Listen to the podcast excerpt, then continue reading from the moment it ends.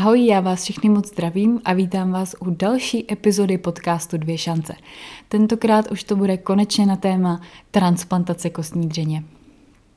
Já si myslím, že vy, co můj podcast posloucháte od začátku, tak čekáte na zpracování právě tohoto tématu, protože já jsem tady slovo transplantace řekla už nespočetněkrát. Ale nikdy jsem v podstatě nevysvětlila, o co se jedná, jenom jsem říkala, že to není žádná operace.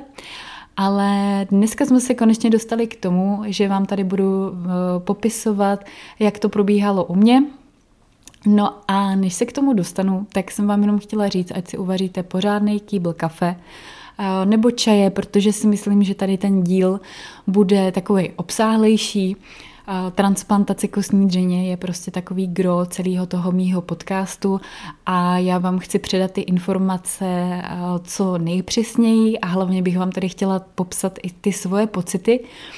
Takže uvařte si nějaký dobrý čaj a pojďme rovnou na to. Ještě jsem tady chtěla zmínit, eh, že já mám vlastně webovou stránku www.dvěšance.cz, kde souběžně eh, jako píšu o tom, jak to všechno probíhalo.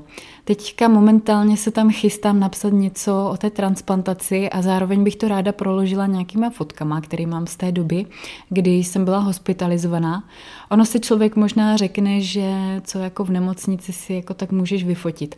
Ale já jsem si prostě říkala, že já chci mít zdokumentovanou část toho života, kdy Eh, jsem byla takhle na dně, protože pak můžou být chvilky, kdy už na to tak nějak zapomenete a právě proto jsem si říkala, že je dobrý si to tady tím občas jako připomenout, když má člověk pocit, že se vznáší někde na obláčku. Tak, já asi začnu tím, že jsem nastoupila eh, do nemocnice 25. května 2020, kdy jsem nejprve ráno musela jít na PCR test, aby se vyloučilo, že nemám COVID, protože ta transplantační jednotka, kde jsem měla být hospitalizovaná, je prostě čistý prostředí. Tam se nesmí dostat nic, co by ty pacienty mohlo nějakým způsobem ohrozit, takže i u mě se ten COVID prostě musel vyloučit. Já vím jenom, že jsem tam čekala strašně dlouho na výsledky, byla jsem tam na takovém pokoji, který byl určený právě pro tyhle případy. No a nějaký asi 4-5 hodin jsem tam čekala, až teda bude známý ten výsledek toho PCR testu. A tehdy se mnou byla mamka na drátě, my jsme si telefonovali celou tu dobu, protože já jsem z toho měla takový strašně smíšený pocity. Já jsem se na jednu stranu těšila, že už jsem jako krůček k tomu zdraví, ale na druhou stranu jsem věděla, že mě čeká asi měsíc bez rodiny, bez přátel, v nějakém neznámém prostředí. A i když jsem to všechno měla tak nějak nastudovaný, tak prostě vy pořádně nevíte, do čeho jdete, že jo? Protože ta vlastní zkušenost, to je zase úplně něco jiného. Takže já jsem z toho byla docela taková vyplašená, ale na druhou stranu jsem se těšila, že už to bude všechno za mnou.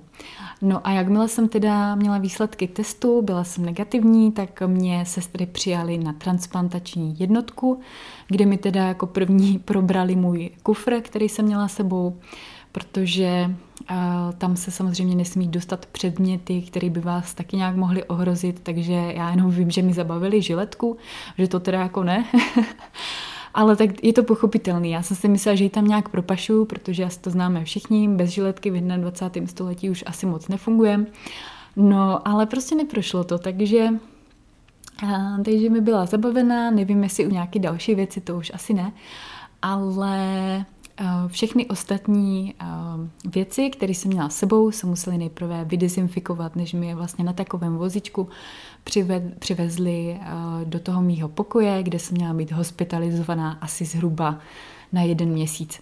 Tady tu dobu nikdy nelze předem určit, takže ono je to takový jako složitější, vy vlastně nevíte, jak dlouho se tam chystáte ale já jsem dostala takový celkem krásný pokoj, bych řekla, protože byl v mých barvách.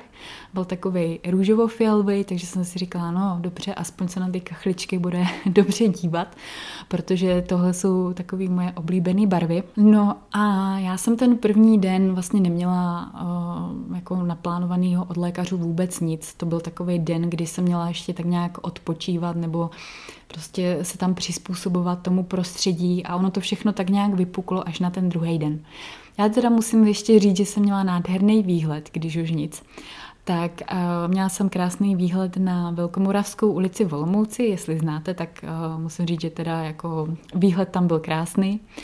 Občas mě prostě bavilo pozorovat uh, jen tak ty lidi, kteří chodili kolem a dívat se na auta, který projížděli zrovna protože to bylo vlastně jediné, co mám tak nějak jako zbyde.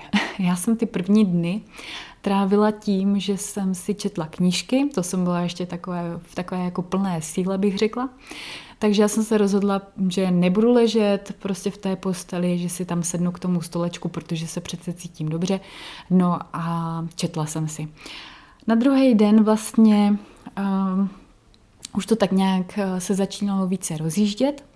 Já jsem měla informaci, že mi budou muset zavést nějakou centrální žílu a to z toho důvodu, že vlastně jak vám podávají různé léky, transfuze a tak dále, tak to je taková žíla, kde se vlastně dá napojit více těch vstupů, takže vám můžou podávat více věcí jakoby současně a zároveň vás pořád jakoby nemusí třeba napíchnout do ruky a tak dále.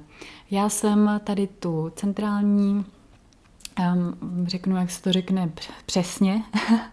je to takový jako centrální žilní katetr a měla jsem ho zavedený do třísla. Bylo mi vysvětleno, že tady toto místo je pro mě jako nejlepší, vzhledem k tomu, že mám strašně málo, uh, no strašně málo, já jsem měla jednu jedinou destičku. A takže z tohoto důvodu bylo pro mě nejbezpečnější eh, zavést tady toto místo v případě, že by to třeba krvácelo, tak aby se to krvácení dobře zastavovalo. Takže eh, pro toto tříslo. To, to byl vlastně jako ten druhý den, jo, kdy mi zavedli tady tu žílu. Nebylo to nic příjemného, prostě když jsem potom při odchodu z nemocnice viděla, jak je ten žilní katetr dlouhý, tak uh, mě brali mrákoty, protože to mělo asi třeba nějakých, já nevím, 30-40 cm. A tím vás tady jako nechci strašit, ale jako přijde mi to strašně zajímavý. Mě to na jednu stranu hrozně fascinuje. Jakmile jsem měla zavedený ten centrální žilní katetr, tak mi už přes něj sestřičky podávaly veškeré léky nebo krevní transfuze, ať už to byly červené krvinky nebo destičky, protože ono mě to vždycky tak nějak jako zase nakoplo a mě se ulevilo. Já, jakmile jsem uh, měla ty hodnoty nízko, tak uh, jsem byla taková unavená a malátná, takže mě to vždycky jako povzbudilo, pomohlo. A já jsem prakticky ty krevní transfuze dostávala ještě nějakou dobu po transplantaci, než jsem se dostala teda na nějakou bezpečnou hodnotu, kdy jsem je už potom nepotřebovala. Přípravný režim eh, před transplantací probíhal asi nějakých 10 dní. Já jsem vlastně nastoupila v pondělí a transplantace byla naplánovaná až jako další týden ve čtvrtek, 4.6.2020.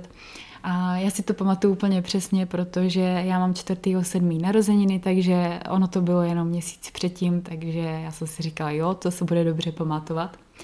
No a ten přípravný režim zahrnoval celotělový ozáření a chemoterapii. Tady toto se dělá z toho důvodu, že vlastně nejprve musí dojít ke zničení bílých krvinek toho pacienta, včetně jejich nejmladších vývojových stádií, takže dochází vlastně ke zničení kostní dřeně toho samotného pacienta a je to z toho důvodu, aby se vlastně uvolnilo místo pro štěp od dárce. Takže já jsem nejprve podstoupila vyšetření, kde si lékaři jenom jakoby zaznačili, jakým způsobem mě budou ozařovat. No a za nějakou dobu jsem měla jít na to ozáření. Celou dobu mě doprovázela jedna hodná sestřička, kterou jsem teda poprosila, jestli by šla se mnou, protože já jsem byla vždycky zvyklá, že mám u sebe nějaký doprovod, nějakou podporu. A v tuhle chvíli to znamenalo pro mě mnohem víc eh, než jindy, protože já jsem vůbec nevěděla, co to ozařování jako je, co, co od toho mám čekat. No a v podstatě to nebylo jako nic hroznýho. Já jsem si tam lehla na zem do takového jako odlitku, kde nejprve mě teda jako ozařovali, když jsem byla na zádech, ležela jsem tam tuším jenom ve spodním prádle. No a vzhledem k tomu, že jsem docela vysoká, mám 1,82 m, tak mě museli ozařovat na třikrát, Vždycky tam byla taková skupinka lidí. Nevím, jestli tam třeba nebyli um, studenti, ale vždycky mě zakryli určitou část těla takovým sklem, odběhli se někam schovat a ozařovali mě, potom zase přiběhli, posunuli to sklo níž, Jo, a zase stejným způsobem takhle to probíhalo vlastně jak ze předu, tak i ze zadu. Musím říct, že to byl takový zvláštní pocit. Já když jsem ležela na tom břiše a nad sebou kousíček, to bylo fakt jako kousek, nad sebou jsem měla takový prostě sklo, tak to byl hrozně divný pocit. Já občas mývám takový stavy klaustrofobie, takže nebylo to vůbec nic příjemného, ale na druhou stranu toto bylo asi jako nejjednodušší, jo? protože vás to vůbec nebolí, vy vůbec nic necítíte, ale ten účel to samozřejmě jako splní. Takže já jsem za sebou měla tady tohle ozařování, no a vlastně zároveň jsem dostávala uh, i první dávky chemoterapie. Já jsem těch chemoterapií měla celkem 8. Musím říct, že tady toho jsem se teda bála víc, jak nějakého ozařování, protože já jsem měla takovou představu, že mi potom třeba bude špatně. I když jsem věděla, že dneska už jsou léky uh, proti nevolnosti, tak uh, jsem tomu jako moc nevěřila. Říkala jsem si, no jako nevím, mám to zažitý jako z okolí, že prostě lidem bývá špatně, takže já jsem se toho docela bála. Ale u mě se to projevovalo asi jenom tak, že jsem měla takovou jako nevolnost.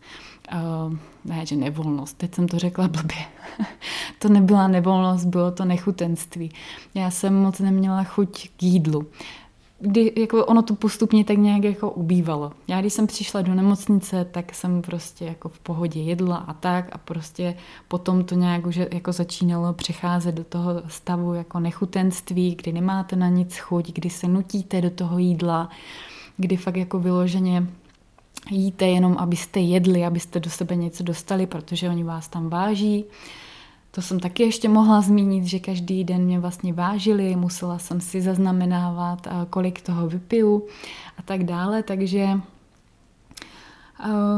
toto jediné, co mě tak nějak jako trápilo, jinak mi zle nebylo si myslím vůbec. Jenom jeden den si pamatuju, že mi bylo fakt jako na prd, ale to bylo, to bylo potom už po té transplantaci, tak o tom vám povím ještě za chvilku.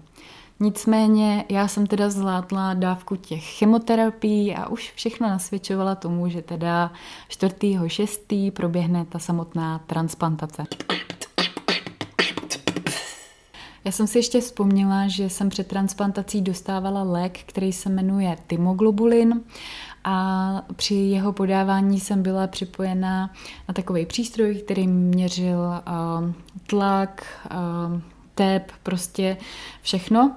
A Vlastně probíhalo to v různých časových intervalech. Na začátku mě to měřilo asi eh, co půl hodiny, pak mi to sestry jako prodloužily na hodinu, ale tenhle lék je důležitý, protože eh, to řeknu úplně laicky, je to imunosupresivum, je to lék, který má potlačit tu vaši imunitu a nějakým způsobem předcházet tomu, aby došlo k odmítnutí těch darovaných buněk. A tak jsem to řekla úplně laicky, jo, a jedeme dál. Ono to bylo takový zajímavý, protože když vás každou půl hodinu něco měří a vy si nemůžete odběhnout ani na záchod, tak je to takový blbý. A po celou dobu té hospitalizace já jsem měla u sebe takovýho němýho sluhu, jak já jsem tomu říkala. Byl to takový stojánek, kde byly všechny ty různé jako kapačky a přístroj, který dávkoval chemoterapii a tak dále, takže já jsem vždycky toho svého sluhu tahala sebou prostě i e, na ten záchod. A zvykla jsem si, že jako po celý měsíc za sebou tahám něco. Takže to bylo takový zajímavý, až mi to potom, když jsem opouštěla nemocnici, přišlo divný, že a vlastně vedle sebe nic nemám. Ale to jsem teďka tak nějak odbočila. Já už e, nebudu dál okecávat a Jdu teda mluvit přímo k té transplantaci. Ta transplantace samotná teda proběhla 4.6.2020, kdy ráno ke mně na pokoj přijela sestra s vozíčkem, na kterým měla takový přístroj, vypadalo to laicky řečeno jak friťák. Ten zvuk byl takový docela podobný, bublalo v tom, No a v tom byly právě uh, buňky od mýho německého dárce, protože vzhledem k tomu, že covidová situace to neumožňovala, Byl, byl to tam docela složitý s tím převozem, jak už jsem říkala v minulém díle nebo v díle o dárcovství, už nevím přesně, tak ty buňky od mého německého dárce museli zamrazit. Oni je zamražují v tekutém dusíku a potom, když se rozmrazí, tak na určitou teplotu, tak je potom můžou podávat pacientům. Já jsem měla od pana doktora informaci, že ten můj dárce měl těch buněk hodně, že mě bude asi stačit jenom jedna třetina toho, co on vlastně daroval. Takže jsem si říkala, jo, je to dobrý, je to v pohodě, mělo by to stačit, všechno určitě dobře dopadne. Celý proces transplantace je strašně krátký. Já jsem od toho neměla žádný očekávání, já jsem věděla jenom, jak to zhruba má proběhnout, ale ani jsem ten den nebyla nějak extra nervózní. Později jsem se dozvěděla proč, protože jsem dostala nějaký uklidňující lék, o kterým jsem ani nevěděla, prostě jsem ráno zapila všechny léky, které mi sestry dali. No a pak jsem se dozvěděla, že teda jsem tam měla něco na uklidnění a proto jsem si říkala, Ježíš Maria, to jsem to dobře zvládla jsem byla úplně v pohodě, ale je teda pravda, že den před tou transplantací jsem požádala všechny anděly, aby při mě stáli a aby to všechno dobře dopadlo. K tomu se taky ještě určitě vrátím. Takže samotná transplantace trvala asi zhruba nějakých 10 minut. Eh, v té fritéze, nebo když to řeknu takhle laicky, eh, byla taková jak to říct, vypadalo to jako krevní transfuze, byl to prostě takový pitlíček s nějakou oranžovou hmotou, což byly vlastně ty buňky. No a pan doktor mi ty buňky pomocí takové uh, velké injekční stříkačky uh, vpravil vlastně do toho centrálního žilního katetru a to bylo vlastně všechno. Ono to zní, jako že je to hrozně jednoduchý, ale z toho lékařského hlediska to musí být strašně jako uh, těžký a náročný proces. Ale takhle, jak vám to říkám, opravdu to trvalo strašně krátce a spočívalo to pouze v tom, že pan doktor vlastně jak kdyby nasál ty buňky do té injekční stříkačky a potom mi je podával přes tu centrální žílu. Já jsem necítila vůbec žádnou bolest, já jsem cítila jenom horkost. To byl jediný projev, kdy já jsem zjistila, že vlastně už ty transplantované buňky mi jdou do toho oběhu a už je mám nějak v sobě, protože mě začalo polívat horko. Já jsem vlastně dostala takové jako upozornění, že uh, budu eh, ze sebe jako dostávat takový eh, nasládlej odér, takový rajčatový odér, jo, že sestřičky mi upozorňovaly na to, že po té transplantaci eh, potom jakoby vydychujete takového něco nasládlého. Takže když potom přišli do toho pokoje, tak říkali, že to bylo opravdu cítit, ale jako nic vůbec to se mnou jako neudělalo. Mně z toho nebylo zlé, já jsem to přijela prostě dobře a tohle bylo vlastně všechno za 10 minut bylo po všem a teď už nastalo to nejtěžší období, které já jsem v té nemocnici v podstatě prožívala, protože to bylo takový hluchý období, kdy teď už vy jenom čekáte na to, jak a jestli se ty buňky eh, vlastně uchytí. Ještě jsem tady chtěla zmínit pár takových zajímavostí.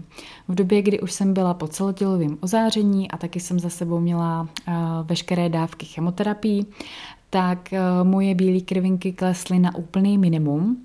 A tohle je právě okamžik, kdy já jsem každý den dostávala jak sterilizované povlečení, tak sterilizované pyžamo. A zároveň uh, mi takto sterilizovali i jídlo. Je to z toho důvodu, že vlastně při té sterilizaci dojde k usmrcení většiny mikroorganismů, které by mohly vyvolávat kažení nebo onemocnění z potravin. Já jsem vlastně eh, po celou dobu pobytu a i nějakou dobu ještě potom musela držet takovou speciální dietu, která byla právě zaměřená na vyloučení právě takových eh, rizikových potravin, ze kterých by mohly třeba vznikat nějaké plísně jo, a tak dále. Nesměla jsem jíst třeba ořechy, nesměla jsem jíst sladké, taky jsem nesměla jíst eh, třeba hermelíny nebo já nevím co všecko. Bylo to hodně přísný, teda ta dieta, musím říct.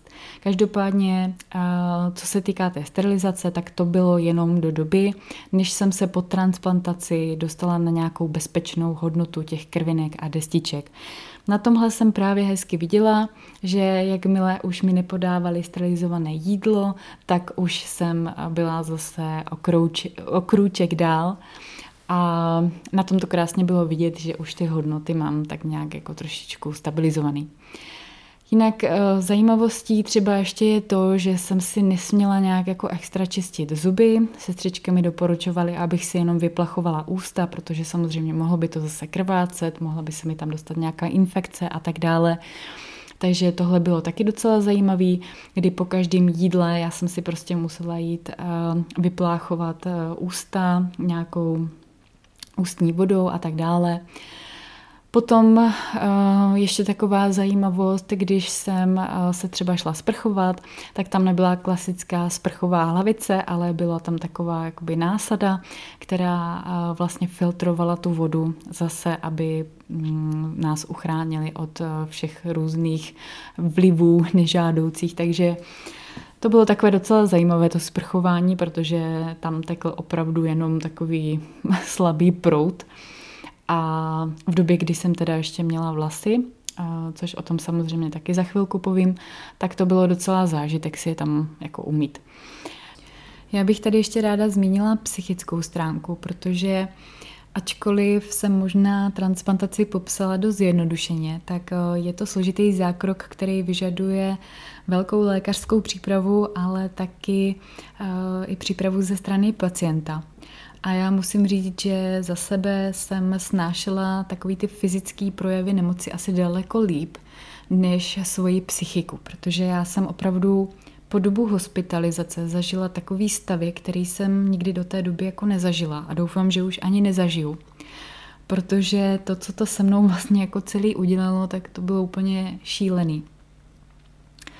Já jsem měla takový asi stavý úzkosti jednak z toho, že jsem zavřená v jedné místnosti, ze které v podstatě jsem věděla, že celý měsíc nebo možná díl nebudu moct výjít jako ven ani na chodbu. A teď to bylo takový docela složitý období s tím, že byl koronavir a veškeré návštěvy byly zakázané. Takže za mnou vlastně kromě nemocničního personálu nesměl nikdo, jenom ještě kaplanka a paní psycholožka. No a to bylo vlastně všechno. Tam dříve jako fungoval ochos, kde vlastně pacienti mohli přijímat návštěvy jakoby aspoň přes sklo a dorozumívat se pomocí takového telefonu, který tam byl, ale bohužel v období toho covidu ani tady tohle nebylo umožněno. A veškeré moje návštěvy, které za mnou šly, tak prostě museli stát dole na chodníku pod tou budovou a jako koukat se, jestli mě vůbec zahlídnou, protože ono to mělo takový kouřový skla a ačkoliv já jsem třeba viděla je, tak oni mě neviděli prakticky vůbec. Oni viděli prostě nějaký, jako, nějakou bílou uh, postavu, protože jsem měla na sobě to nemocniční pyžamo, ale žádný jako extra rysy neviděli, protože to bylo jak kdyby přes dvě skla. Ale i přesto takhle za mnou přišla rodina a kamarádi. Uh, kolegové z, z mýho bývalého zaměstnání a přišli mě takhle podpořit s transparentama.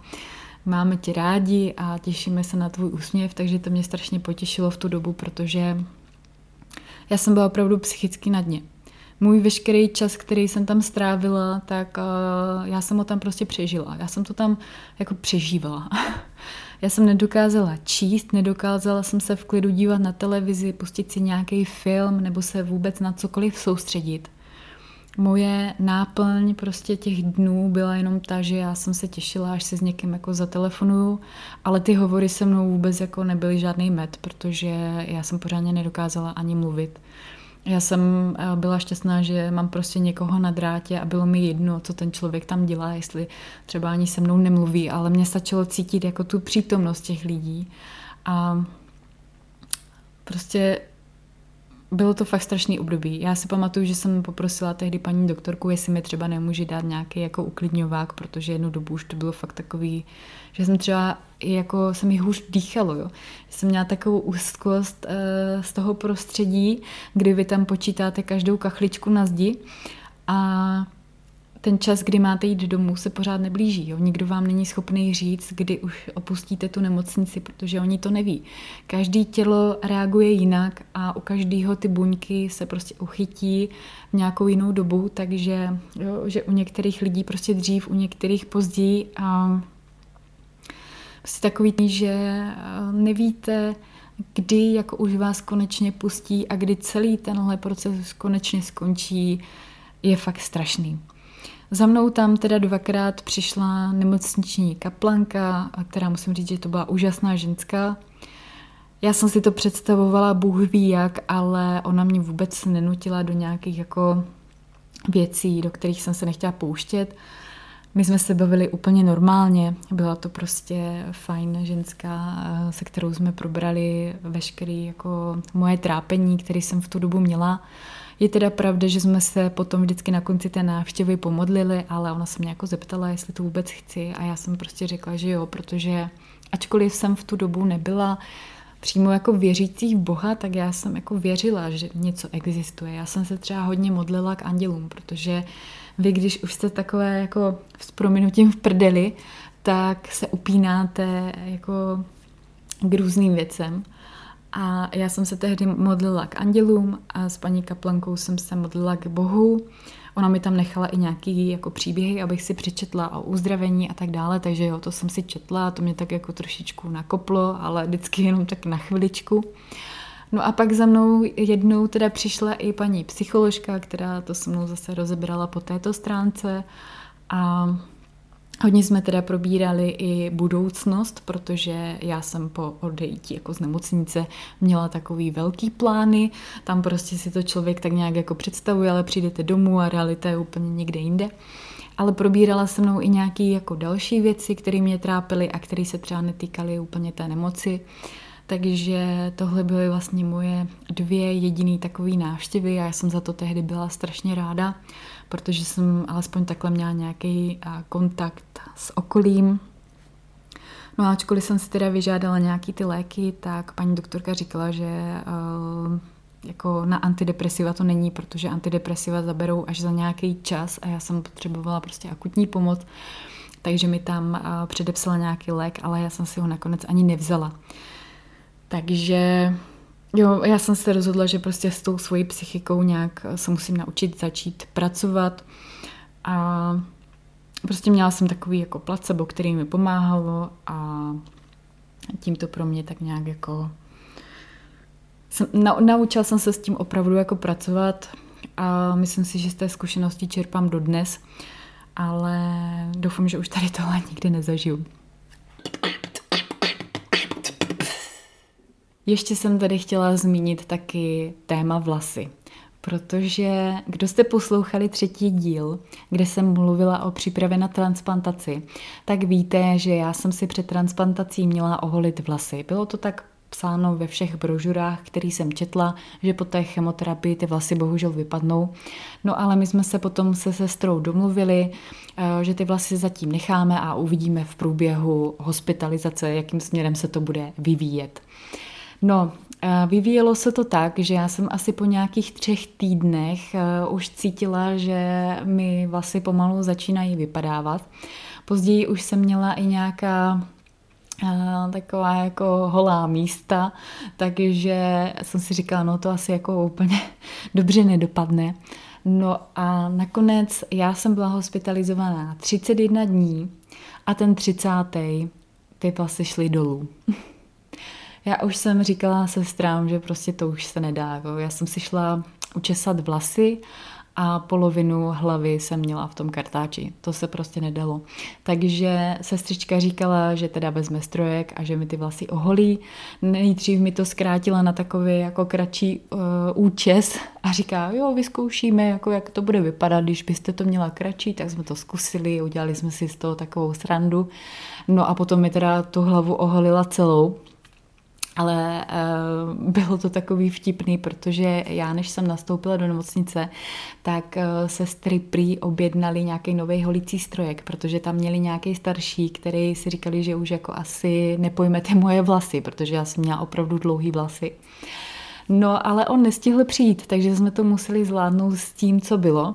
Ale musím říct, že tak jak jsem dříve ty své vlasy obrečila, tak v ten den jsem to prostě už brala tak jako s humorem, protože jsem si říkala, přece pro mě bude lepší ty vlasy oholit, než se tady trápit nad tím, jak mi vypadávají a abych prostě přišla do té domácí péče. A všude jsem sbírala vlasy, tak to jsem si vůbec jako nedokázala představit. A i tak jsem měla objednanou paruku, měla jsem už ji nachystanou, takže jsem věděla, že tady ten problém nějakým způsobem vyřešíme a proto teda ty vlasy šly dolů. Takže já jsem 30. Eh, den přišla o vlasy, no a 31. den už jsem šla z nemocnice konečně domů. Bylo to taky takový docela zajímavý, protože uh, jakmile mě sestra ostříhala, tak uh, to byl den, kdy já už jsem tak nějak počítala s tím, že bych měla jít domů. No ale ono to tak furt nějak jako nevypadalo, pan doktor se vyjádřil tak jako neurčitě, že když to bude jako ráno dobrý, tak eh, bych teda mohla odejít, ale tam prostě nikdy nevíte, jo, to víte až po ranních odběrech a tak dále, takže to bylo takový jako zajímavý. No a v ten den, kdy já jsem přišla o vlasy, tak mi zároveň uh, museli zavést uh, další takový jako žilní katetr, jmenuje se to PIK, protože ten klasický centrální žilní katetr mi po nějaké době museli výjmout. Ono už to potom nedělalo dobrotu, mě to místo každý týden i krvácelo a vzhledem k tomu, že se to musí různě převazovat a tak dále, tak to bylo takový složitý. To místo bylo hodně takový citlivý. Ale vzhledem k tomu, že když uh, potom jdete do domácího léčení a může třeba nastat to, že budete potřebovat ještě nějakou krevní transfuzi nebo budete potřebovat podat nějaký lék nebo třeba jenom odebrat krev, tak je dobré mít nějaké místo, uh, odkud vám to takhle mohou vzít, aby jako, bylo mi to řečeno uh, i v tom smyslu, že jsem ještě mladá, že je potřeba šetřit trošku ty moje žíly, takže mě byl vlastně do ruky zaveden ten žilní katetr mm, s názvem PIK, což byla taková, taky taková malá hadička, která se zavádí jakoby na ruce a na paži směrem vlastně jakoby k tělu a je zavedena až k srdci, takže to bylo taky neskutečně dlouhý. A tady tohle byla další taková zajímavá zkušenost, to zavádění. Není to jako nic příjemného, ale když víte, že je to jenom na dočasnou dobu a že vám to má pomoct, tak to prostě hold vydržíte. Jo? Takže já jsem tady ten pik uh, měla potom nějakou dobu ještě po transplantaci a bylo to ujednodušené tím, že mi z toho mohli vzít prostě uh, kde jaké odběry a tak dále. No a 31. den mě teda pouštěli z nemocnice. To byl můj nejšťastnější den v životě. Já si pamatuju hned ráno, že když mi pan doktor říkal, že už eh, mě teda propustí, tak jsem volala mamce, ať už okamžitě pro mě přijede, že já už tady nestrávím ani minutu. Ona mi ještě říkala, no ale mohla bys tam vydržet do oběda, já to tak nestihnu jako tam rychle dojet. A já jsem říkala, mami, prosím tě, musíš už pro mě přijet. Já tady fakt nezvládnu být ani minutu navíc. Říkám, já potřebuji jet okamžitě.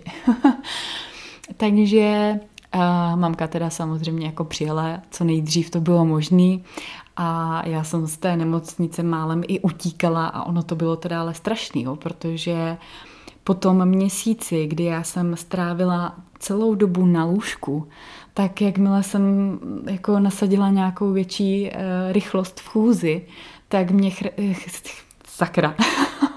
Teď jsem se do toho úplně tady zakoktala. Ale mě chytali strašný křeče. A bylo to prostě takový hodně komplikovaný, protože to tělo je takový jako zesláblý a stuhlý a všechno. Takže ono se úplně moc utíkat jako nedalo, ale i přesto a jsem se strašně těšila domů, i když ta domácí péče byla potom taky náročná. Já si myslím, že bude dobrý, když vám o tom zvlášť zase natočím nějaký další díl, protože samotnou transplantací ta léčba nekončí. Vy jste propuštěni z nemocnice do domácího léčení a teď už je v podstatě na vás, jakým způsobem a zda ty daná doporučení budete dodržovat nebo ne. Takže tohle je věc, kterou si myslím, že každý člověk eh, dokáže ovlivnit. Samozřejmě, pokud eh, se naše tělo postaví proti nám, tak to moc ovlivnit nedokážeme. Každopádně já jsem tehdy udělala všechno pro to, abych se zase dala nějak do pořádku. Ale myslím si, že to už je na další povídání, takže já bych to tady tím ukončila. Chtěla jsem vás poprosit, abyste ohodnotili můj podcast v aplikaci Spotify, abych měla nějakou zpětnou vazbu. Budu ráda, když mě budete sledovat na mém Instagramu Dvě šance, na mém Facebooku Dvě šance a nebo když se podíváte na moje webovky www.dvěšance.cz a dáte mi takhle nějakou eh, zpětnou reakci. Tak eh, já bych vám popřála jenom, ať se máte teďka krásně, ať si užíváte těch slunečných jarních dnů a doufám, že se tady zase brzo uslyšíme. Tak se mějte krásně. Ahoj!